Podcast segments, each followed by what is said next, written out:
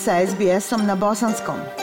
Pronađite još sjajnih priča na sbs.com.au kosacrta bosnijan. Bosnijan.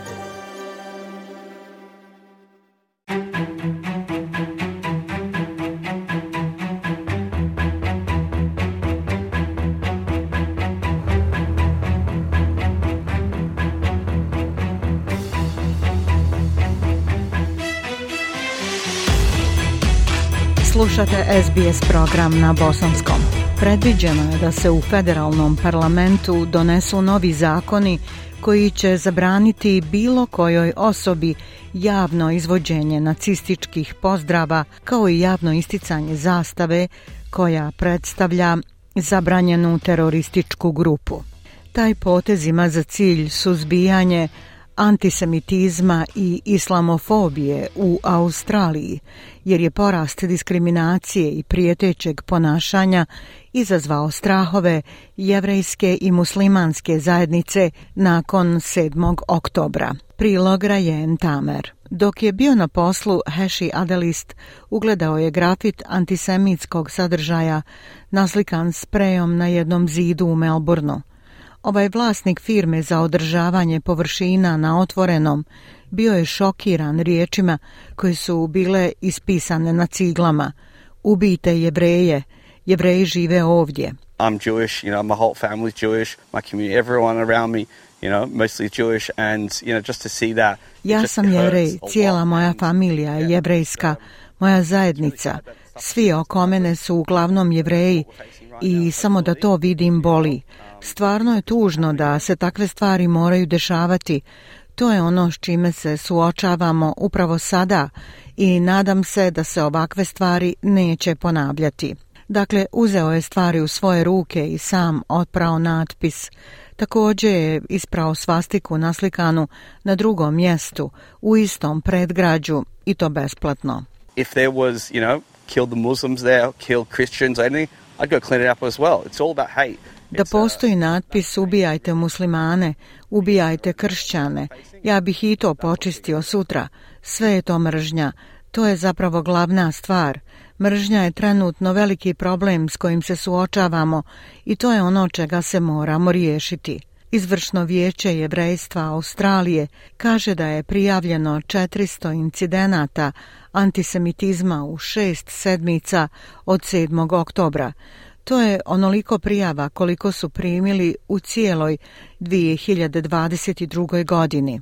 To je izazvalo strah od nekih jevrejskih učenika u vezi nošenja uniformi u javnosti. Rabin i direktor škole Memorialnog koleđa Mount Scopus u Melbourneu, James Kennard, kaže da je zaprepašten kako je antisemitizam zavladao u zemlji i širom svijeta. Some of our students and some of our families, there is a real fear that somebody walking the streets who is identifiably Jewish could get physically attacked.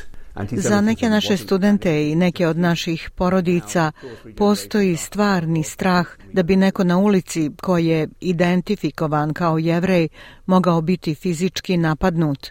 Antisemitizam nije iskorijenjen, on je samo spavao i sada se dvije ili tri generacije nakon holokausta ponovo probudio ali rabin Kenard kaže da vjeruje da će vlasti čuvati zajednicu i želi da njegovi učenici hodaju s ponosom. Some parents have asked us to allow students to wear casual clothes to and from school or perhaps on excursions. Neki roditelji su nas zamolili da dozvolimo učenicima da nose ležerniju odjeću, a možda i na ekskurzijama.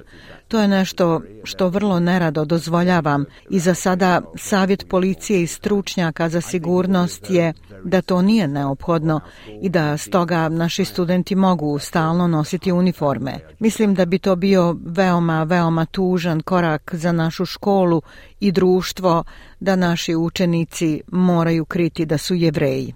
Rasprostranjena je i antimuslimanska retorika.